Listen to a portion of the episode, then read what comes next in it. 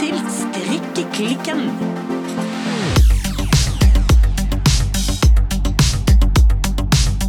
Hallo, Silje. Hallo, Birte.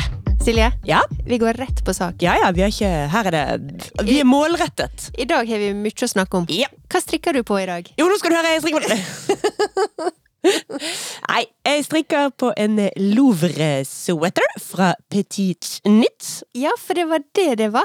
Det var det det var. Jeg Ja. kjøpte jo dette her eh, håndfargete garnet fra Le Bien Aimé. Ja. Hand-dyed in Paris. ja. Eh, utrolig fint garn. Ja. Jeg kjøpte to forskjellige farger. En som jeg har sjøl beskrevet som eh, skogbunn. Ja. Og en som er beskrevet som chartreuse. Yes. Og så lurte jeg veldig på hvordan jeg skulle blande disse. Og det lurer jeg fremdeles på. okay. For jeg har foreløpig bare brukt eh, skogbunnfargen, og jeg har strikket eh, Ja, hvor langt er du kommet? Nei, jeg er nesten ferdig med bolen, altså.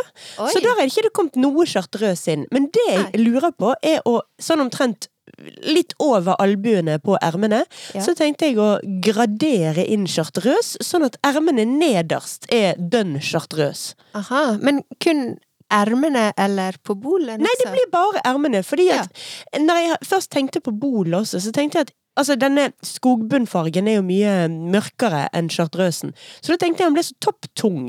Ja. Hvis du skjønner hva jeg mener. Ja, jo, ja. Men nå blir han uh, bunnlett i armene. jeg, jeg tror jeg skjønner. ja, det, det, jeg vet ikke hvor mye Og det verste er at jeg har ikke bestemt meg. Det kan være det er faktisk en mulighet at jeg strikker hele Louvre-sweateren i eh, bare I gåseøyne, da. I bare én farge. For det er jo Ja. håndfarget melert garn som inneholder en milliard farger. Ja. Så det er jo ikke bare én farge. Men kanskje sparer jeg det andre garnet til eh, et mindre prosjekt. Altså. Men eh, er du fornøyd med Louvre-fasongen? Ja, altså det er litt vanskelig å si foreløpig, for jeg strikka jo selvfølgelig med den eh, rundpinnen som lå nærmest, og den var litt kort, da. okay. Så jeg får jo liksom ikke prøvd den ut og sånn ennå. Men jeg mollkoser meg med prosjektet. Det eneste jeg må si, er at eh, å strikke med håndfarget garn gjør jo at jeg ser jo helt sinnssyk ut på fingrene hele tiden. Jeg har til enhver tid en sånn skarp, mørk stripe gående over den venstre pekefingeren min. Og det garnet, det er veldig deilig, altså, men det er litt, litt tynt og hardt Ja. eh, å strikke med. Så i går måtte jeg faktisk strikke med plaster på fingeren. Oi. Ja, jeg kjente det Ja. var litt i gnageteste laget, så jeg måtte ha et lite plaster på. Som er sånn, ja. vet du, altså sarte fingre, vet du. Ikke noe, ikke noe arbeiderklasse. Jeg er litt mer sånn forfinede, mjuke hender og ja. Ja.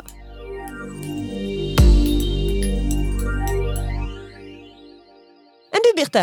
Ja, du, veldig kjapp eh, oppdatering. Jeg strikker på min eh, sweater nummer 14. Fra Birtes Favorite Things Knitwear. Yes. Eh, og dette blir nå litt sånn eh, Og hvor langt du kom? Ja, eh, sant? Ja, Eh, litt sånn eh, pusete eller låden affære. Dette blir en pusesak, ja. I ja. forhold til min som bare strikkes med enkel, enkel tråd og uten mohair, så skal du få pille mange sånne små trådfibre ut av munnen din mens du går med din. Jo, men det var det jeg sa, at eh, når jeg strikka prøvelappen, så eh, var det ikke kommet noe loing fra dette garnet. Jeg strikka jo i én tråd alpakka 2 -hmm. fra Isager, og så to tråder eh, det her som heter mohair lux fra Langjan. Oh, mohair Eh, lux. ja. Såpass må det være. Ja, og den mohair luxen, den er ganske, ja, låden. Ja, men også Eh, ganske lux, kanskje. Ja, den holder seg godt sammen. Eh, Jeg tror jeg kan si at jeg kanskje overdreiv, eller kanskje laug litt når jeg sa at den liksom jeg Håper jeg smitta ingenting av. Det gjør den, men utrolig lite i forhold til hva en skulle tro når en ser. Hvor lodden den er, ja. Hvor ja, for den er jo litt som en slags Ja, den Altså, det ser jo litt ut som du sitter med en grå katt på fanget. Og grå katter har det jo med å, ja, røyte ganske mye. ja. Nei da, så det går veldig bra. Et par centimeter eh, til nå, så eh, er jeg på motorveien, Eh. aka Bolen. Bolen, så bolen. dette har vært veldig kjekt, og ja, det går overraskende raskt, vil jeg si.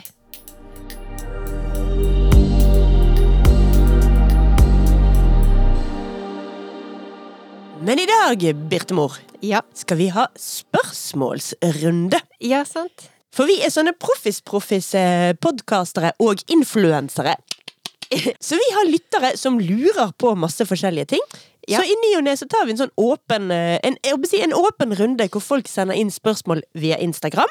Ja. Og vi svarer etter eh, beste evne, og ikke minst etter eh, høyeste grad av ærlighet. Ja, altså det var jo litt sånn morsomt, fordi at eh, vi møttes her for to dager siden. Jepp, jepp. På kafé. På, på kafé, endelig. på vår kafé. Ja, på vår kafé. På Stammiskafeen. Ja. Em, og da snakka vi om eh, episoder, og så eh, var jeg litt sånn, ja, jeg tror vi må vente et par dager med å spille inn, fordi at eh, vi må legge ut spørsmål på Instagram først. Ja. Og da var jeg litt sånn med tanke på at ja, kanskje det tar litt tid å få masse spørsmål, vi må liksom være sikre på at vi har fått eh, nok spørsmål å svare på. Ja. Um, Men vi har jo fått altfor mange spørsmål. Det. Vi må jo si med en gang at uh, til alle som har sendt inn spørsmål, tusen, tusen takk. Ja. Og så hvis man nå sitter og gleder seg til akkurat sitt spørsmål kommer, så kan det være det ikke kommer, for vi rekker ikke gjennom alt. Da blir det en fire timer, nei, syv timer lang episode. Så vi må dessverre ta et utvalg. Vi må ta et utvalg, eh, men eh, som bare for å ha det sagt, ja, vi er evig takknemlige for alle spørsmåla. Og så så jækla mange gode spørsmål det var. Ja. Da jeg hadde lyst til å ta alle. Ja, alt var bra, men, men jeg tenker at uh, i dag så blir det litt sånn Q&A, og så det vi ikke får svart på, vi tar det med oss. Ja. Eh, og så prøver vi å på et eller annet vis svare litt på det meste likevel. Litt sånn innimellom, kanskje. Absolutt. Og all, altså, alle tilbakemeldinger fra lytterne våre er jo uansett med på å hva skal vi si da, dreie podkasten. Ja, Sånn at, drive. eh, Ja, ja dri, og dreie Ja, også, liksom. så, ja. så hvis du for eksempel vil at strikkeklikken skal gå over til å handle mer om ja, jeg vet ikke, bil, for eksempel, så, så er det bare til å liksom sakte, men sikkert styre oss i den retning. Så, så er vi klar, vi, Så altså. kommer det også.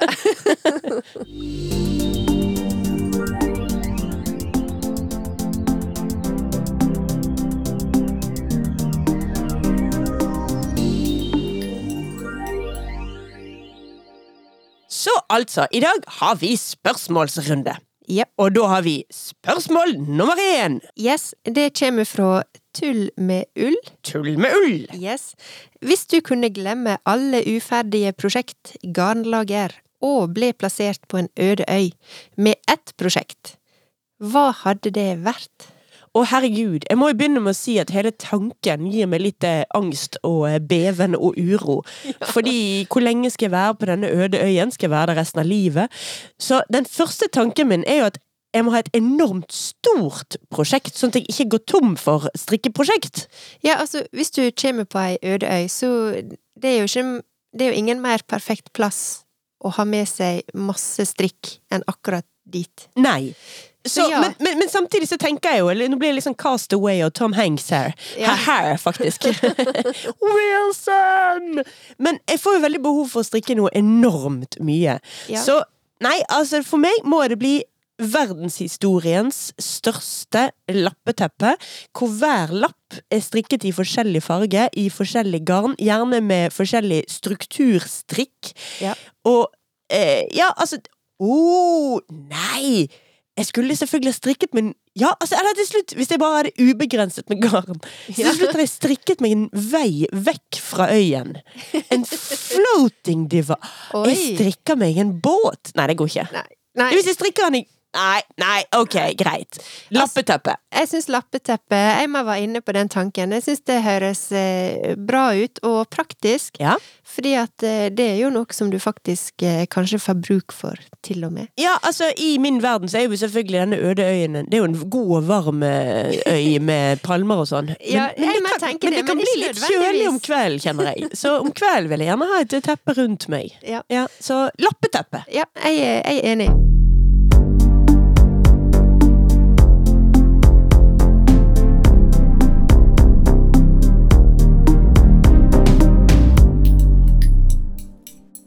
Spørsmål nummer to! Yes, eh, det kommer fra Strikkereise. Eh, og hun spør, hvis du får velge et prosjekt med garn kostnadsfritt, hva ville du valgt? Ja, For det første så vil jeg jo si da til alle som hører på eh, Dette vil vi gjerne uansett, altså. Bare send oss garn. Masse. Ja, det, det er ikke som om eh, det ikke, altså, Selve innspillingen av strikkepodkastene er for så vidt gratis, men kjære vene, vi bruker mye penger på garn.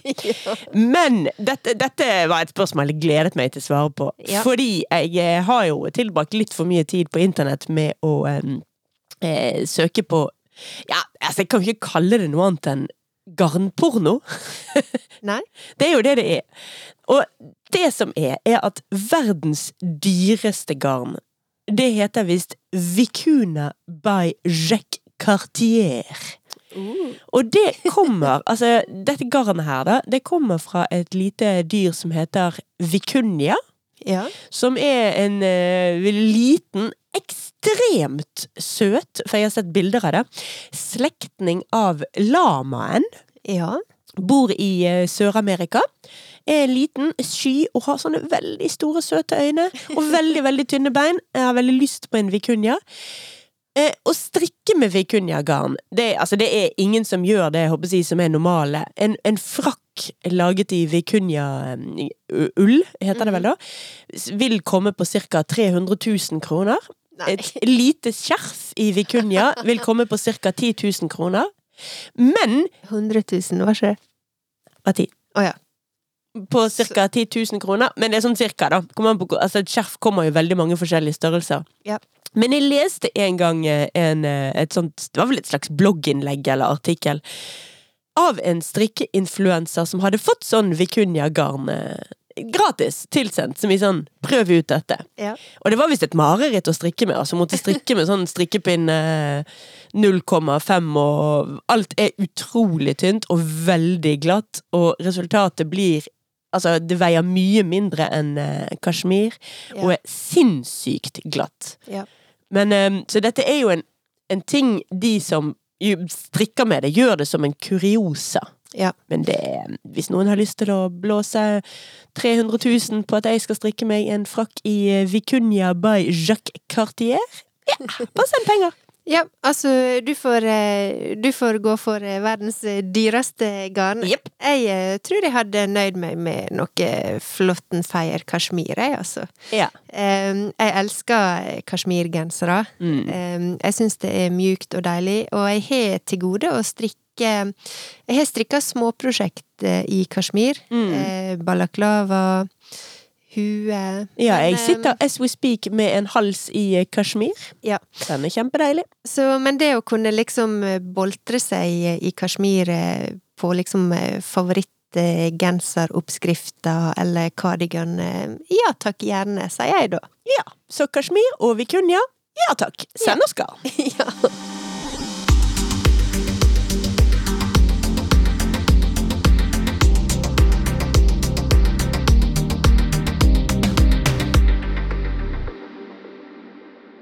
Jeg må si vi klarer oss eh, sånn noenlunde på tiden her, og eh, ja, vi, vi klarer å dunke gjennom en del spørsmål, eh, Birte. Ja. Nå tar vi noen litt sånn kortere spørsmål. Ja. Så Birte, svar raskt. Ja. Må påskestrikk være gult? Nei. Jo. um, jeg, jeg ser deg og høyner med et enda et nei. Nei, det må selvfølgelig ikke være gult.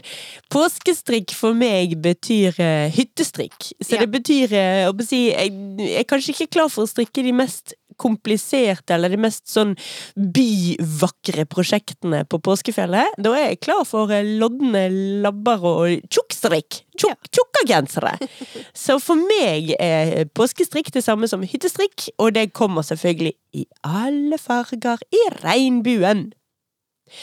Er du klar for en eh, kjapp spørsmål til, Birte? Ja. Hvis du måtte velge for resten av livet, ville du bare strikke med tjukke pinner, eller bare tynne pinner? Du, det syns jeg er litt eh, Jeg skal prøve å svare så kort som jeg klarer. For Ja. det syns jeg er litt vanskelig å svare på. Jeg liker veldig godt å strikke i spekteret fire til kanskje opp til seks. Mm -hmm. um, fem Ja, liker godt fem. Um, så for meg er det litt sånn midt imellom. Jeg veit der fins tynnere pinner. Ja, men hvis du måtte velge tynne finnes- eller tjukke?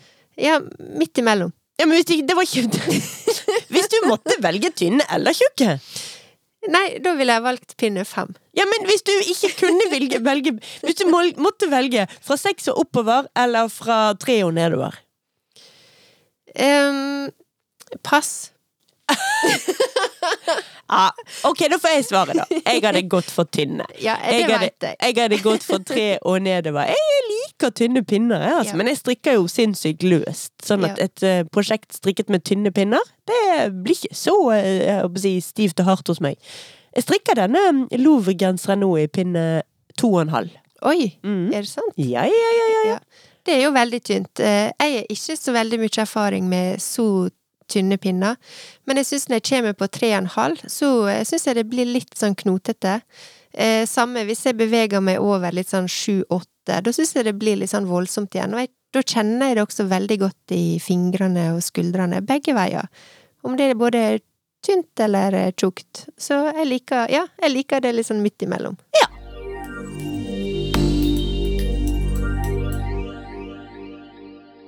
Vi har ett til eh, kjapt eh, spørsmål, Silje. Selv om Ja. jeg Eller faktisk to. Selv om jeg tror at eh, du kanskje mm, kunne ønske at dette var noe vi kunne ha brukt flere episoder på å svare på. Ja, Men vi har fått noen spørsmål fra Leseval, ok. eh, og hun har spurt ganske mange spørsmål. Men to av spørsmåla Hadde de reist til Mars om de hadde fått muligheten? Hva svarer du? Eh, nei, jeg er en pingle som liker planeten Jorden og hadde vært livredd verdensrommet. Men jeg må fortelle en fun fact om Mars som jeg akkurat har lært meg. Ja. Eh, veldig i parentes bemerket så holder jeg på å skrive en bok. Ja. Eh, har ingenting med strikking å gjøre i det hele tatt, men det er en fagbok. Og vet du hva som finnes på Mars? Nei? Et minnesmerke. Oi! You did not see that one coming, did you? Nei, for det har jeg akkurat lært meg, at faktisk så har eh, menneskeheten satt opp et minnesmerke for de som døde i Challenger-ulykken. Ja. Der er det rett og slett en eh, aldri så liten minneplakett. Vi har, klart å, vi har til og med klart å liksom spre minnesmerkene ut i verdensrommet. Ja. Men eh, svaret ditt, eh, det korte svaret var nei. Eh, ja, nei. Du vil ikke til Mars. Eh, Nei, ikke, ikke før det går eh, Ikke før liksom bussen som kjører forbi utenfor her. Den dagen den tar det meg til Mars. Men utenom det så kan jeg jo si at altså, jeg kan ikke stå og se på barna som tar karusell, for jeg blir altså, Selv når jeg står stille. Ja. For jeg blir så svimmel og begynner å kaste opp av å se på at de snurrer rundt. Jeg Så jeg skjønner Jeg vet nøyaktig hva som hadde skjedd hvis jeg hadde fått en halv G-kraft på meg. Så hadde jeg blitt en romspyer. Og det har ingen planer om å sitte i en blikkboks eh, omringet av mitt eget spy i mange dager på vei til Mars. Nei, det unner jeg verken deg eller andre. eh, mitt korte svar er nei. Nei. jeg har ikke mer å tillegge der. Eh, og så kan vi ta ett til fra lesevalg. Tror de vi er alene i verdensrommet, eller er det noen flere der ute? Oh, åh. ja. Dette må, jeg regner med det var- på kort. Jeg, jeg regner med det var her vi var på Vi kan snakke om dette i flere episoder. Um, altså, det er jo et veldig delt spørsmål. Jeg klarer ikke å svare helt kort. Fordi det ene er jo Finnes det noen form for liv noe sted ute i universet? Og så er det jo andre spørsmålet som på en måte ligger liksom implisitt når man svarer på det, da, og det er Tror du at vi har fått besøk av eh, fremmede livsformer på vår planet? Ja. Så det jeg tror, og der er jo bare troing, men jeg tror at det at liv har oppstått på denne planeten bare som en, en once in a That's all there is-sjanse, syns jeg er litt sånn Det føles så usannsynlig fordi verdensrommet er så stort. Så ja, jeg tror at et eller annet sted der ute så ligger det en aldri så liten sølepytt, og nedi sølepytten så finnes det bakterier, og kanskje til og med noe så avansert som uh, amøber. Oh, Mm. Da har vi kommet høyt opp på livsformsstigen. Men jeg tror ikke at uh, små grønne menn har kommet hit og uh, kidnappet noen og tatt sånne analprober på de og testet ut det. Og jeg tror, jeg, jeg tror ikke Gry Annike Jarlum har eh, møtt eh, aliens. Å nei, det var der. Um, Hva tror du? Eh, Jeg kan svare veldig kort. Jeg tror heller ikke vi er alene. Eh, Men jeg er heller ikke noe sånn Jeg har heller ikke noen eh, hva skal jeg si, tegneserieaktige forestillinger om hva slags liv som finnes, og skråstrek, sånn som du sier. Eh, jeg tror heller ikke at det liksom eh, ville ha kommet i form av grønne menn som hadde invadert oss i, i Nei, og som alltid snakker eller engelsk, eller amerikansk. Det er, alltid, det er gøy at de alltid snakker amerikansk. Men det er jo den erkjennelsen eh, som jeg blir litt sånn smågal av å tenke på, at verdensrommet er så uendelig, uendelig stort. Og vi er bare en bitte, bitte liten lite støvkorn. Ja, det, det er så umulig det så Ja, altså, det er så usannsynlig at eh, vi skal være det eneste som har klart å få noe liv ut av det. Ja, altså fordi at altså, Rett og slett Mengden plass der ute er så overveldende at det at det skal være helt tomt, føles bare helt sånn Hæ, det kan jo ikke bare være helt tomt! Nei. Og siden liv har oppstått her, så i det minste altså Sjøl til og med hvis det aldri har oppstått noen andre steder, så må vi vel ha klart å søle litt liv noen andre steder, da.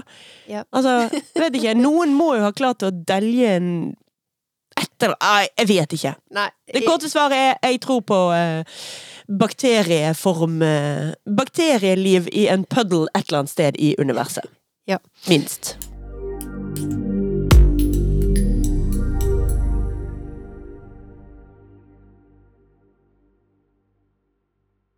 Og så har vi et uh, spørsmål til her. Ja, i vår Eh. store, store spørsmålsrunde. Yes, av en litt, uh, litt mer personlig karakter. Hvordan ble dere to kjent med hverandre? Ja, for du syns det var mer personlig enn tror du på livet i verdensrommet? ja, faktisk! Jøss. Ok. Jeg tenkte det ene var et dypt eh, religiøst eh, Altså liksom sånn eh, Hvordan ser du verden-spørsmål. Nå er vi på hvordan ble vi kjent? ja. Jo.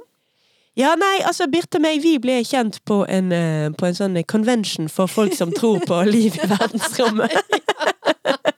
Ja, det har det tatt seg ut. Jeg tror em, Jeg kan eh, fable litt om eh, hvordan vi var kjent, eh, Silje. Vi kan jo begynne med at det i hvert fall er veldig lenge siden.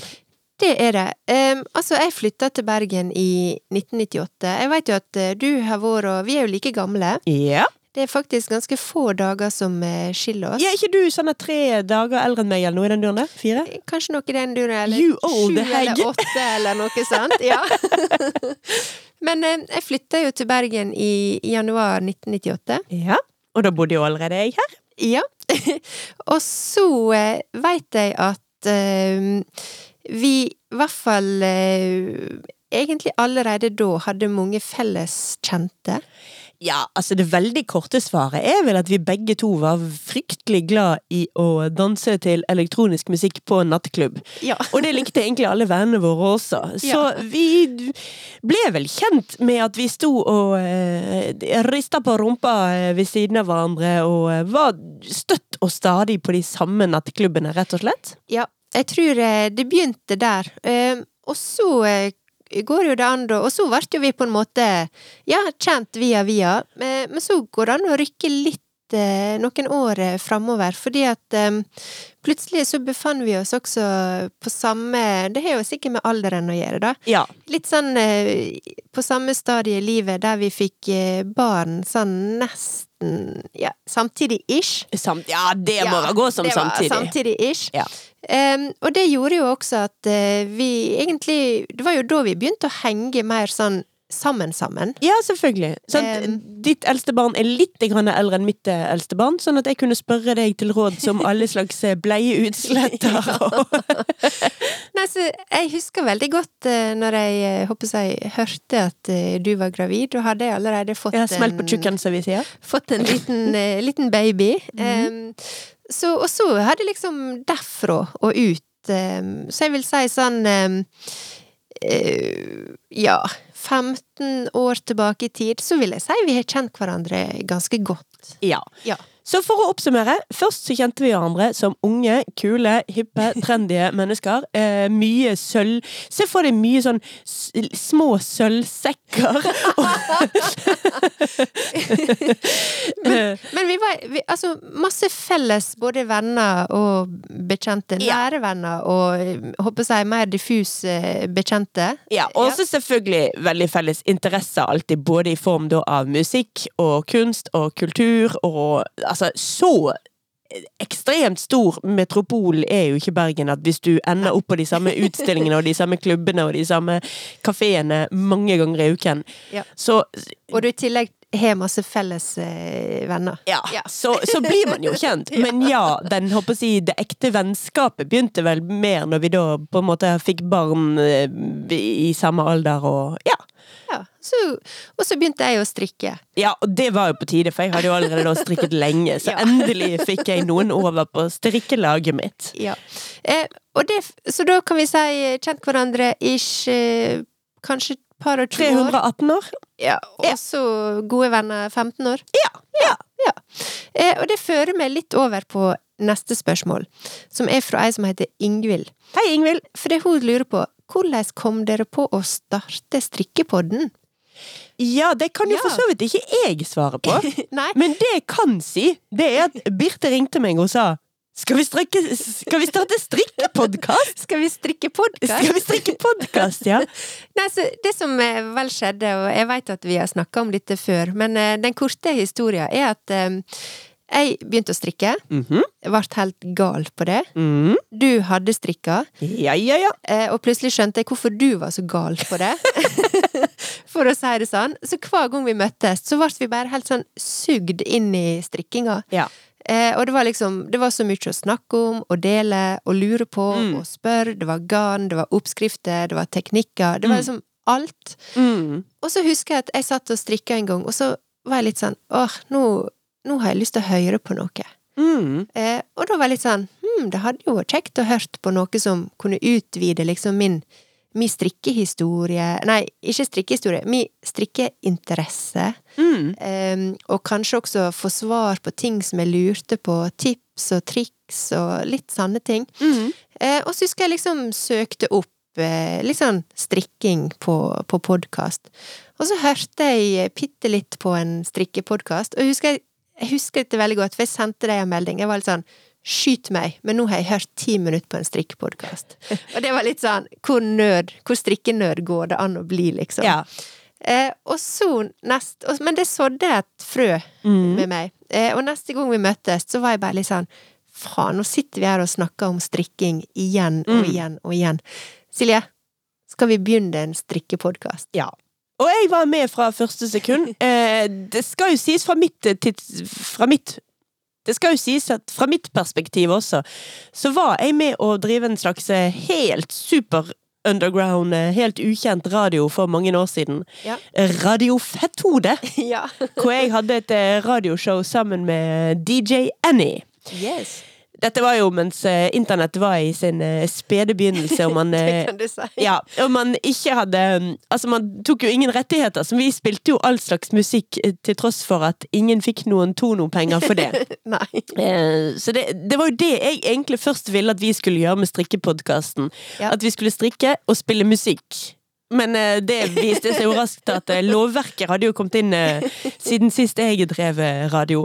Så da ble det rein babling, og det må jeg si jeg syns er jækla gøy. Det er veldig gøy, og jeg ser ikke for meg hvor vi skulle ha tid til å høre på musikk heller, for vi har jo så mye å snakke om. Ja, men altså, det der formatet med sånn syv timer lange podkastepisoder, det, det føler jeg er litt sånn untapped marked. Det kunne jo vært vårt marked, da. Kanskje vi skal utvide til det. Ja. Men eh, den korte versjonen er i hvert fall at eh, vi strikker, vi snakker, eh, og så Og det er de to tingene vi gjør best. Ja. Og så var det liksom den her eh, Det her må jo andre være interessert i også. Eh, så det er jo noe med å dele og liksom bli en del av liksom det her strikkecommunityet, som har jo vært og er helt fantastisk på alle måter.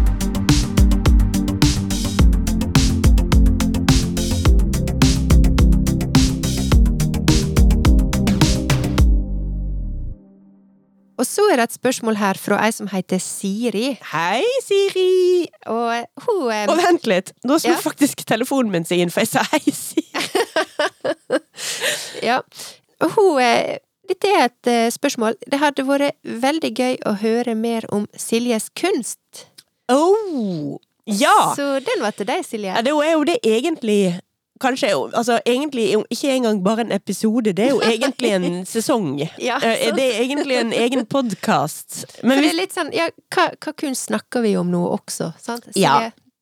Nei, altså hvis vi tar veldig kortversjonen. Eh, altså, jeg var ferdig utdannet fra Kunstakademiet i 2002.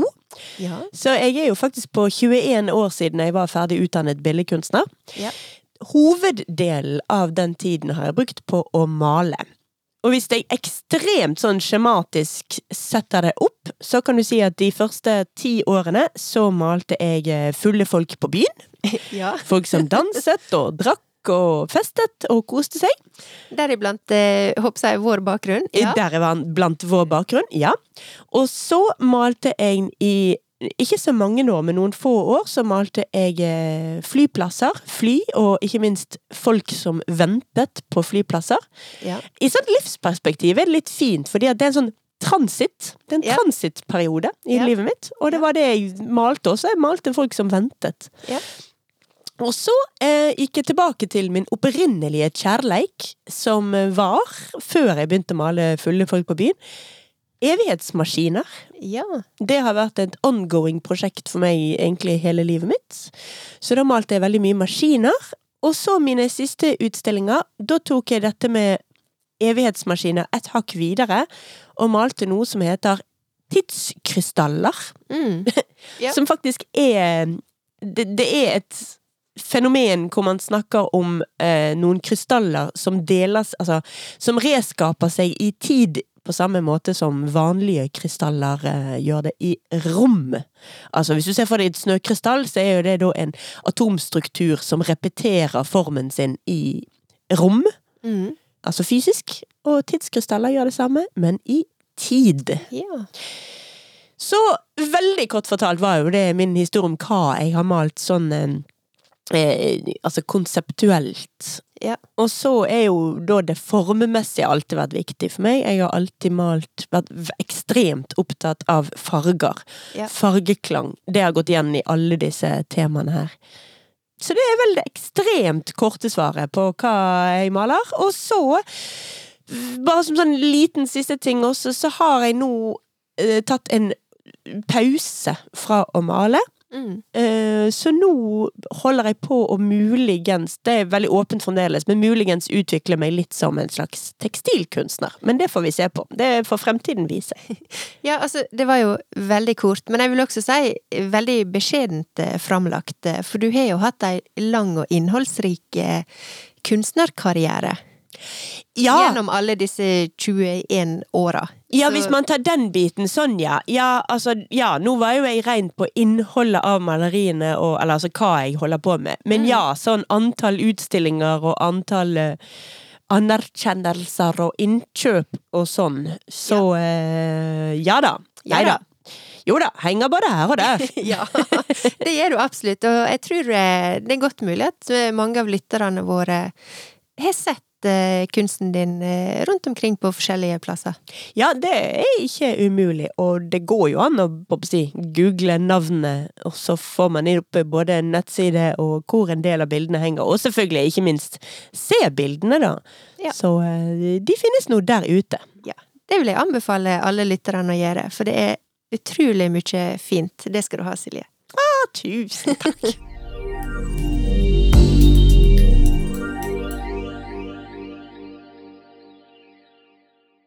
Du nevnte så vidt om eh, farger, altså at du alltid har vært interessert i farger. Yes. Eh, og det har jo også prega podkasten vår. Yes. Eh, vi har jo utvikla etter hvert ei egen fargespalte. Ja visst, Silje Eh. snakker om farger. Yes. Eh, og det er det flere av lytterne våre som eh, spør om. Folk lurer rett og slett på Kommer det mer fra Silje snakker om farger? Å, så hyggelig at folk etterspør det. Det korte svaret er ja, selvfølgelig. Yes. Hva, hva skal jeg si da? Nei, nå, er nå, nå har vi snakket om alle Fins det fargene. ikke flere farger? Ferdig! Nei, det kommer absolutt mer. Og jeg kan vel egentlig love allerede nå at allerede neste episode så Ja. kommer det en ny eh, fargespalte. Jeg tror jeg skal holde hemmelig hvilken farge foreløpig, men å, jeg kan Ja. Ja. Jeg kan hinte, jeg kan hinte, så kan vi se hvem som tar det. ja. Hvis du blander eh, blått og lite grann gult, bitte litt, og ganske mye hvitt, så får du denne fargen her. Og nå sa du blått og gult og hvitt. ja, men jeg, jeg prøvde å gjøre et poeng av mengden òg. Ja, ja, jeg skjønte det, men jeg bare måtte huske fargene. Men ja, jeg sa blått og, eh, og bitte litt gult og hvitt. Ok. Jeg har en liten sånn idé om i hvert fall hva slags spekter vi nærmer Er vi på oransje? Er vi? Nei! Det, var, for det var ikke det jeg tenkte. Nei, det er bra. Men eh, jeg skal holde det hemmelig, og min, altså jeg skal se neste gang eh, om eh, tankene mine var korrekt eller ei, så det blir spennende. Ja, nei, men det er den som, den som lytter, får se. Yes.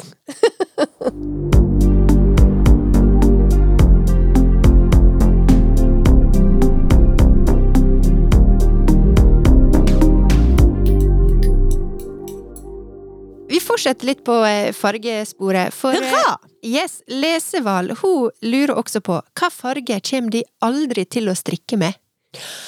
Og det er et veldig bra spørsmål. Ja. Men da må jeg jo fram med å si, hatfargen min, ja. som det også er morsomt at jeg har endt opp med å male med mange, mange ganger. Og jeg hadde til og med en periode jeg gjorde hva jeg kunne for å unngå å male med denne fargen, og jeg endte støtt og stadig opp med å male med denne fargen. Men for å sitere Degas, altså den store maleren Hvis du ser for deg alle de, han som malte alle disse ballerinaene med sånn tutu-skjørt og ja. Ed, eh, Edgar Degas. Degas, skrives det. Ja. Gult. Ja. Eller som han sa Oh, what a horrible color yellow is. eh, nei, gult syns jeg er en forferdelig vanskelig farge. Ja. Det, men eh, det sa jeg også når jeg eh, malte veldig mye. Endte veldig ofte opp med å male med gult. Men eh, gult, altså. Det er en knute. Ja, eh, jeg har jo gått veldig mye med gult, Jeg som du vet det! det gult er jo, det er jo liksom birtefargen. Det er litt Men, rart. eh, men fra min barndom, da, skal sies. Ja. Det er ikke en farge jeg eh, verken egentlig liker eller bruker nå. Nei. Så jeg stemmer i på gult. Men jeg vil også si at eh, For at du vet, eh, vi har jo snakka en del om strikkebingo. Ja, vi er jo på bingo. Ja. Og der er ei rute liksom 'strikk noe lilla'. Ja. Eh, og det, det har jeg liksom eh, tenkt på at eh, jeg tror, ikke lill, jeg tror ikke det er helt tilfeldig at den, en liksom eh, skal strikke noe lilla der. Fordi at for meg så er lilla en sånn knutefarge. Det er litt morsomt også at vi ender opp med lilla og gult. Fordi For det første så er jo det da komplementærfarger, altså stikk motsatt farger. Ja. Lilla og gult. Men det er også de to mest Altså to av de mest ekstreme fargene i fargespekteret. Eh, lilla er den mørkeste fargen som er en farge, og gult er den eh, lyseste og den svakeste, og Så det, vi har liksom endt opp med liksom ekstremfargene her, på et Ja. slags vis. Ja, nei, for jeg merker at eh, lilla, det Altså, jeg er litt sånn skal aldri si aldri, fordi at eh, ting kan forandre seg, og plutselig sitter en der med jeg vet ikke. En lilla hatt på seg. Ja, eller et lilla bad, eller Altså, jeg, jeg er veldig glad i lilla. Jeg er helt uenig i at lilla er vanskelig. Ja, jeg, lilla syns jeg er nydelig. Ja, nei, for meg er lilla eh, vanskelig, og um, også vanskelig da på dette her strikkebingobrettet. strikke-bingo-brettet. Så jeg vil svare um, ja, jeg liker ikke å si aldri, men jeg vil nok aldri strikke med noe i lilla. Nei, og så kunne jeg ha sagt det samme med gult, men så kommer jeg jo på opptil flere prosjekter som har inkludert gult, som jeg har strikket bare det siste året. Så um, aldri strikke med gult akkurat i dag. Ja, sant? I dag nekter jeg. Men uh, ja, nei. Det, altså for eksempel da denne her eh, Hvis vi husker den boresweateren jeg strikket i det garnet vi omdøpte til krokan Ja. fra Fjord Fibers. Der var det masse innslag av knall gult. Ja, men det var jo veldig sånn subtilt og delikat. Ja. Eh, altså, Når jeg sier at jeg ikke ville strikket med gult, så ser jeg jo for meg en sånn full on Jeg vet ikke, til og med liksom ikke engang genser, men full kjole eller genser med tilhørende bukse i intens Ja. psyko-gul. ja, altså, jeg kan aldri si at jeg aldri skal strikke med noe som kan ha innslag av lilla i seg, for eksempel i et håndfarga garn, for Ja. eksempel. Men eh, å liksom kjøpe inn eh, tolv nøster med, med pur lilla og strikke inn en en glattstrikkgenser, nei. Ja, det kunne jeg gjort. Lett fjert.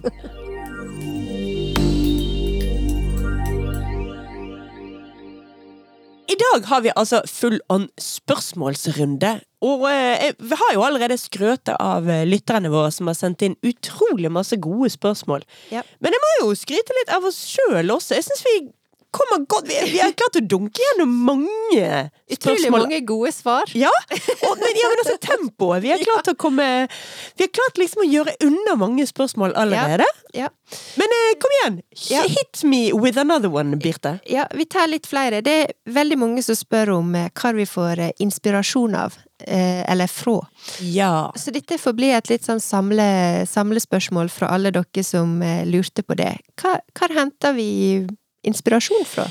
Åh, ja, det er jo også en, eh, en, en, i hvert fall en episode i seg sjøl. Ja. For det gjelder jo ikke bare strikking, det gjelder strikking, og det gjelder maleri, og det gjelder, ja, som jeg nevnte halvveis her i sted, jeg holder på å skrive en bok. Mm. Og alle ting man gjør i livet, altså alle ideer man får, hvor fanken kommer de fra? Og for min del så må jeg jo si at det å så sitte og stirre ut i luften og vente på inspirasjon har aldri funket. Nei. Det som inspirerer meg til å male, det er å male. Ja. Og det som inspirerer meg til å strikke, det er å strikke. Ja. Det er den ene ideen tar den neste ideen, og man bygger hele prosjektet som om det var en steingard. Ja. Stein på stein. Ja. Du kan ikke sitte der Jeg kan, har i hvert fall aldri vært sånn som ser for meg hele prosjektene ferdig før jeg begynner. Nei. Jeg må Jeg må jobbe det ut. Ja. Håndfast og fysisk, eller ord for ord. Um, så sånne ting som prosjektbeskrivelser er for meg alltid litt vanskelig. Det, det, det må jeg innrømme. At jeg har noen vage ideer om hva ting skal bli, før jeg setter i gang. Mm. Så det er jo også noe med? Altså, Helt tidlig når vi begynte med denne podkasten, så var nok du mer vant til å ha ting litt mer konkret Mm. før du satte i gang. Og så jobbet du litt mer med meg, og nå er du blitt mye friere i formen. ja. Jo da. Eh, altså, for min del eh, så er jo det Det er litt sånn klisjésvar, men det er litt sånn Jeg, jeg syns inspirasjonen kommer virkelig fra alt mulig. Ja. Det kan være liksom stort og smått. Det kan Mm. være et skilt du går forbi og leser. Det kan være en person du ser. En bil. Det kan være en farge på et hus. Mm. Altså, det, det kan være så utrolig mye forskjellig, og det kan være sånn små detaljer, men jeg er helt enig med deg. Det å, å sitte i et for eksempel tomt rom, tomt stille rom, og så vente på inspirasjonen, det skjer ikke. Nei, det skjer i hvert fall ikke for meg. Jeg håper å si det, det, It takes all kinds. Det er godt mulig at det skjer for andre. Ja. Men for meg er det det å holde på med noe kreativt som setter i gang neste kreative idé, da. Ja, og så for min del eh, Altså, jeg, selvfølgelig blir jeg eh, inspirert av å kikke rundt på Instagram på forskjellige strikkeprofiler og sånne ting, men for meg så er ikke alltid inspirasjonen sånn én til én, hvis du forstår hva jeg mener. Altså det at jeg ser en strikkegenser, inspirerer ikke meg nødvendigvis til å strikke en genser. Eh, det, det kan være mye mer abstrakt eh, inspirasjon som kan gjøre at jeg får lyst eller får en tanke om hva slags genser eller hva slags prosjekt jeg har lyst til å strikke. Og så når det er sagt, så har jeg faktisk merka at eh, utrolig mange av ideene som jeg får, de får jeg når jeg står i dusjen. Ja, men dusj, dusj er undervurdert Dusj sted er helt sinnssykt. Ja, altså, her skal noen få en eh, gratis eh, god idé om hvordan de kan tjene penger. Og, og det, nå kødder jeg ikke engang, men det ville vært å uh, finne opp en eller annen Du vet sånn her whiteboard hvor du skriver med, med en sånn Ja, en sånn avviskbar tusj, men inne ja, på en sånn hvit greie. Ja. En vannsikker versjon av noe sånt, som kan Ja. henge i enhver dusj. Så at mens du dusjer, så kan du notere noen av disse her geniale ideene. Ja. Fordi, altså, jeg, jeg har dusjer hvor jeg må avbryte dusjen, smukke et håndkle rundt, rundt meg, ut, skrive ned noe, inn igjen i dusjen. Ja.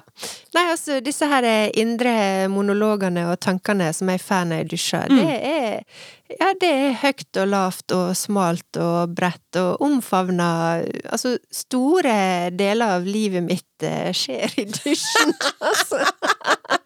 Du vet at det, det finnes en bok som heter In the Bathroom. Uh, det, men jeg tror ikke han var i dusjen. Jeg tror han, han lå mye i badekaret òg. Litt usikker. Ja, ikke, det er i hvert fall inne på Men altså, badeværelse som uh, undervurdert arena for kreativitet, vil jeg helt klart Ja, det er jeg helt enig i. Ja. Og så syns jeg også at det er viktig å ha en åpenhet når det gjelder uh, ja, inspirasjon, da.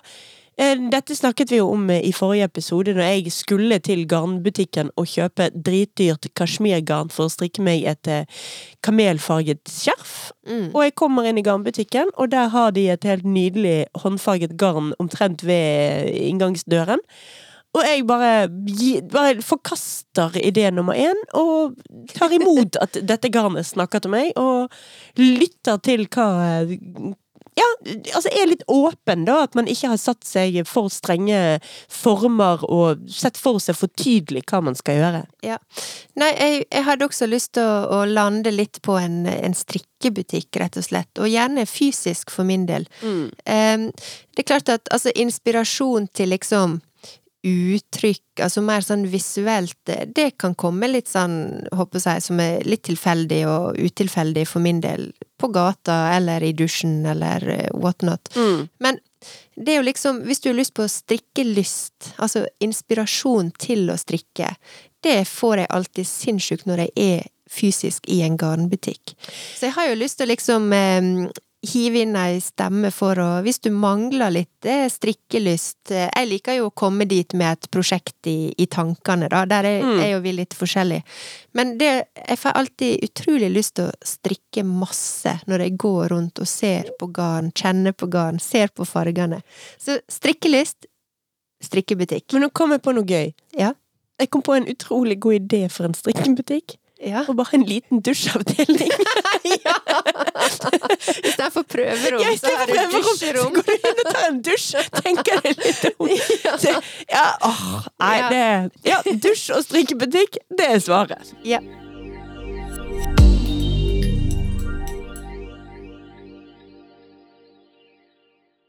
Jeg tror, eh, Silje, at uh, dette her må bli uh, kanskje det siste spørsmålet i dag. Hæ?! Vi hadde det så hyggelig nå! ja, jeg er enig. Det kan hende vi får, vi får ta noen spørsmål i neste runde også.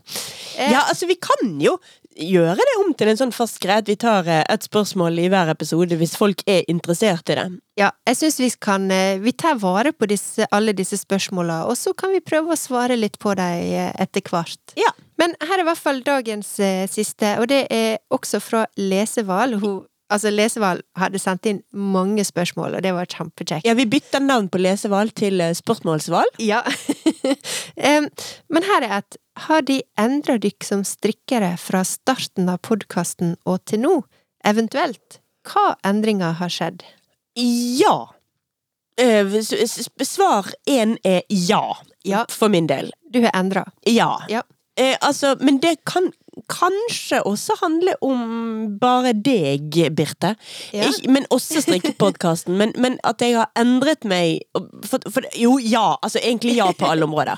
Gjennom, gjennom podkasten har jeg fått et mye mer um, reflektert forhold til garntyper og, og ja, altså før var jeg mye mer eh, trenger garn, slenge innom eh, Sparkjøp og kjøpe billig skvip.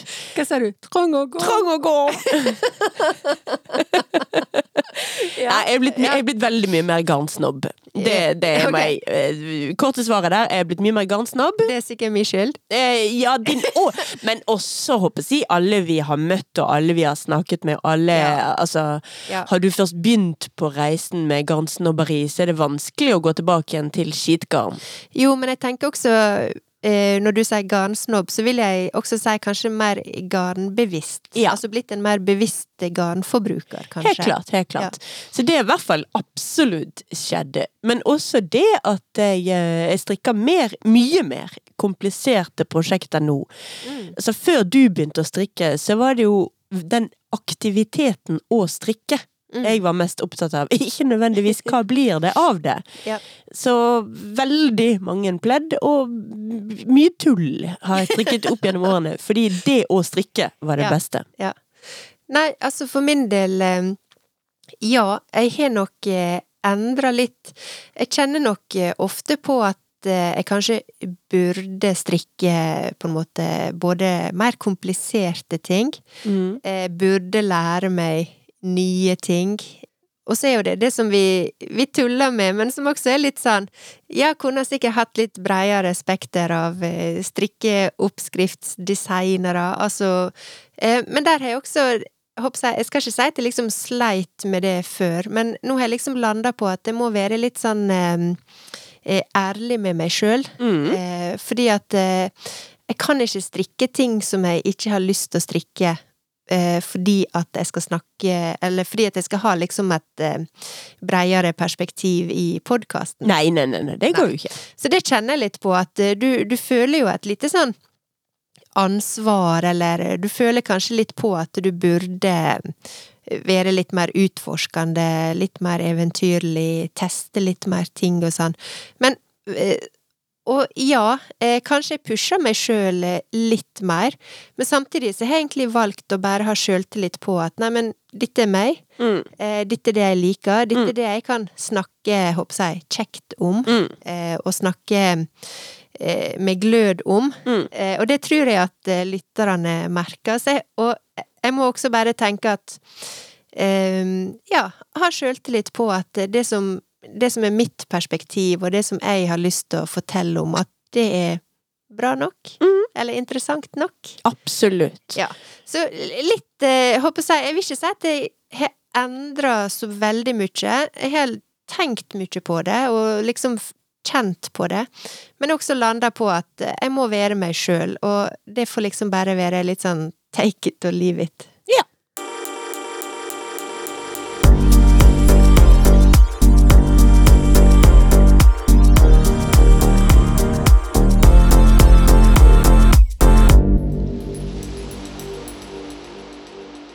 Kjære vene, nå har vi snakket eh, og snakket, og ikke minst, vi har svart og svart. Vi har Ja. svart på spørsmål om vi foretrekker tykke pinner eller tynne pinner. Om påskestrikk må være gult, altså ja, men nei, men nei. vi har snakket om dritdyrt garn, og vi har til og med vært en tur innom verdensrommet og Mars. Ja, Nå må vi lande det hele, Birte. ja vi må lande litt. Ja, vi må det. Men altså, generelt, hvis ikke spørsmålet ditt, kjære lytter, kom med i dag, så betyr ikke det at vi har kastet det på eh, ja, historiens store skraphaug. Nei, og det betyr heller ikke at vi ikke har lest det eller satt pris på det, Nei. for det har vi. Det har vi, og Ja. vi tar gjerne sånne spørsmålsrunder flere ganger. Ja. Men også det altså den kontinuerlige diskusjonen vi har med lyttere via sosiale medier, er kjempekjekk, så bare keep it up. Ja. Snella, snella. Ja. Men eh, Birte, Ja. jeg vet at du hadde noe du ville snakke om i dag, helt utenom alle spørsmålsrundene også. Ja, som du veit, eh, Silje, så har jo det vært nå eh, vårens eh, fashion weeks eh, rundt omkring. Ja, Fashion Week. Ja. Eh, det begynte jo med ei ganske stor eh, moteuke i København, faktisk, Ja. som er blitt ganske stor og aktuell. Eh, så går turen til eh, New York og Milano, og så lander en vel i Paris til slutt. ja. Nei, altså vi skal jo selvfølgelig på eh, rundreise og følge Fashion Weekene, for sånn er vi.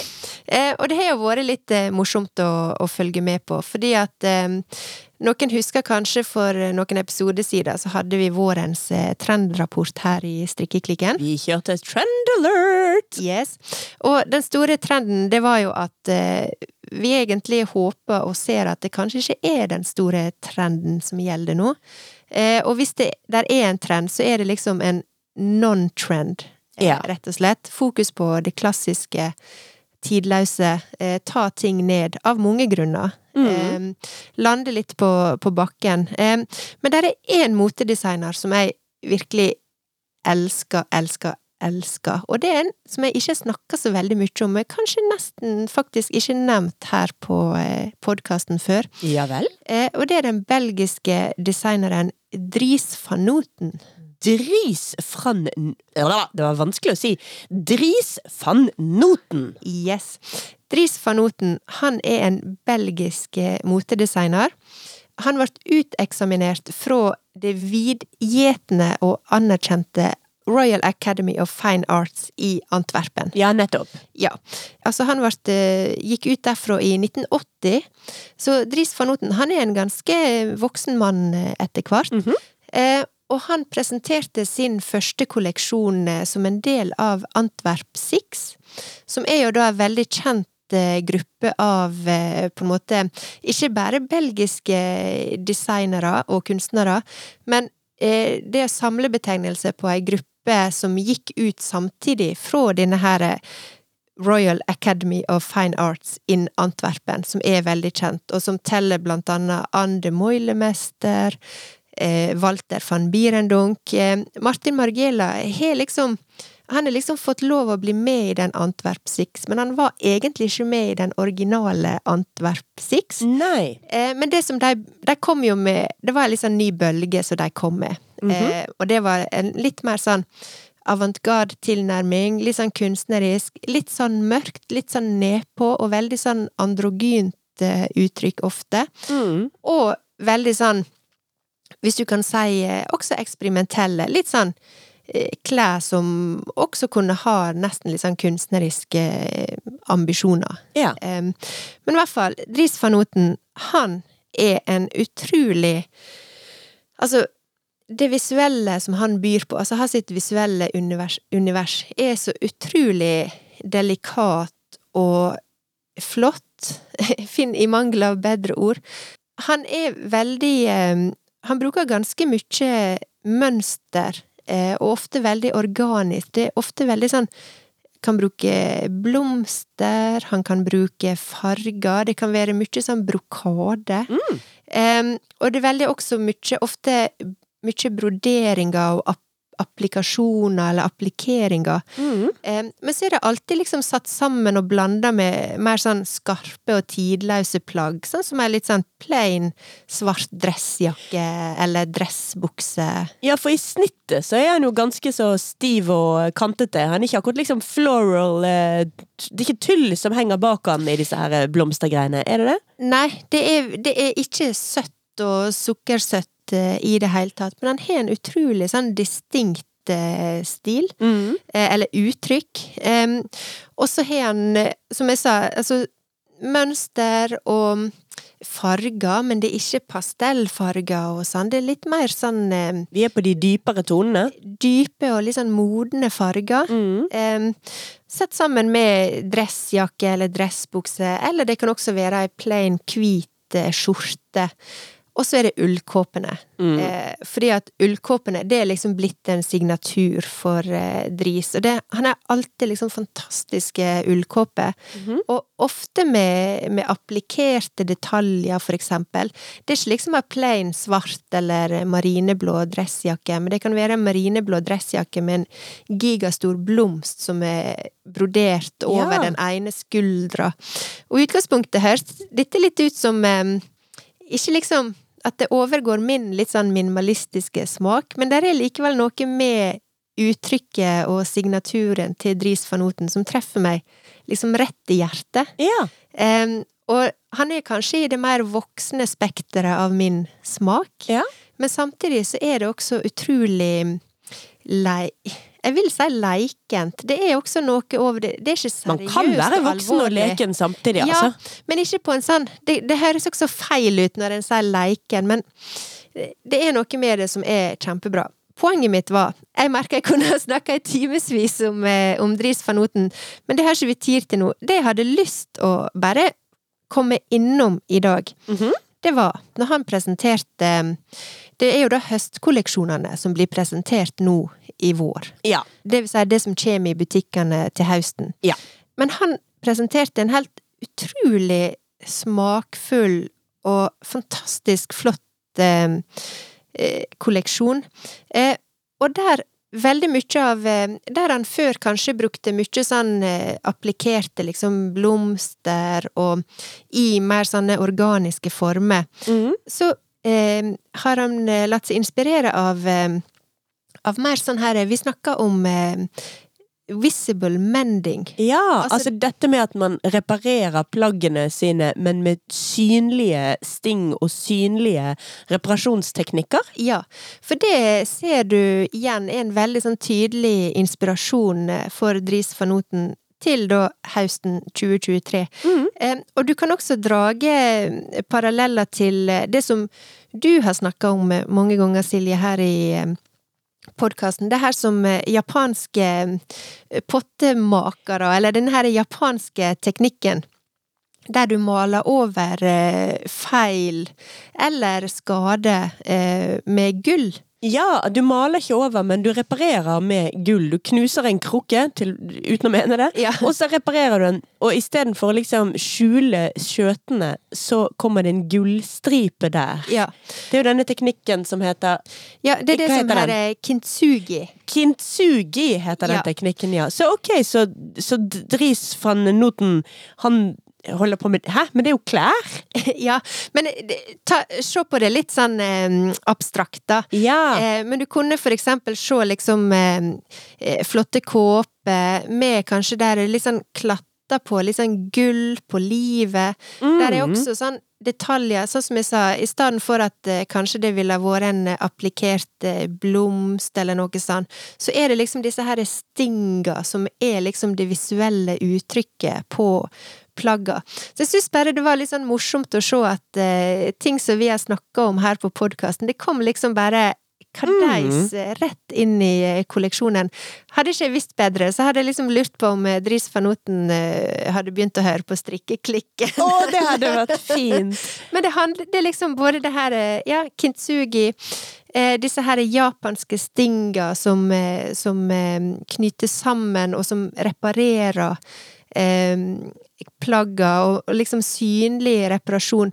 Jeg syns bare det var så utrolig kult. Eh, og så er jo Dries van Noten, han er jo en Selv om han presenterer kolleksjonene sine hvert halvår, han er en av de som har tatt et standpunkt og sagt at vi trenger ikke mer enn to kolleksjoner per år, for eksempel. Mm. Og det, i moteverden så er det ganske uhørt, Mm. for å si det sånn.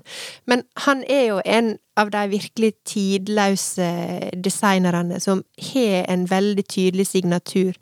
Em, og du kan, du kan mikse et plagg fra en kolleksjon som er 15 år gammel, med dagens, og det ville liksom passa helt inn. Mm. Em, Og hvis du vil eh, oppdatere den eh, gamle Dries van Noten-kåpen din, så kan du egentlig bare gå inn og sy litt eh, tydelige sting på den, ja, kanskje? eller male litt gull på Male, den. ja, for man har alle litt ja. gull liggende. ja. Men jeg syns bare det var så, så kjekt å se liksom både denne her non-trenden, eh, som er alltid veldig, eh, veldig tydelig i Dries van Noten, men også da i kombinasjon både med her, disse her visible mending-teknikkene og kintsugi-teknikkene, som er jo ting som vi har snakka om her på podkasten. Men det var litt Gå inn og se eh, Dries van Noten sin eh, høst 2023-kolleksjon. Den er ikke i butikkene, men du kan se bilder av den. Og da vil du se i praksis litt hvordan eh, disse tinga har inspirert eh, inn i kolleksjonen.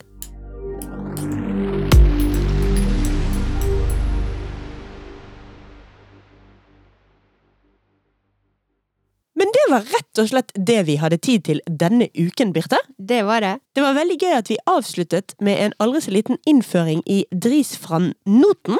Ja, han eh, merker jeg har lyst til å snakke mer om også. Og det skal vi absolutt gjøre.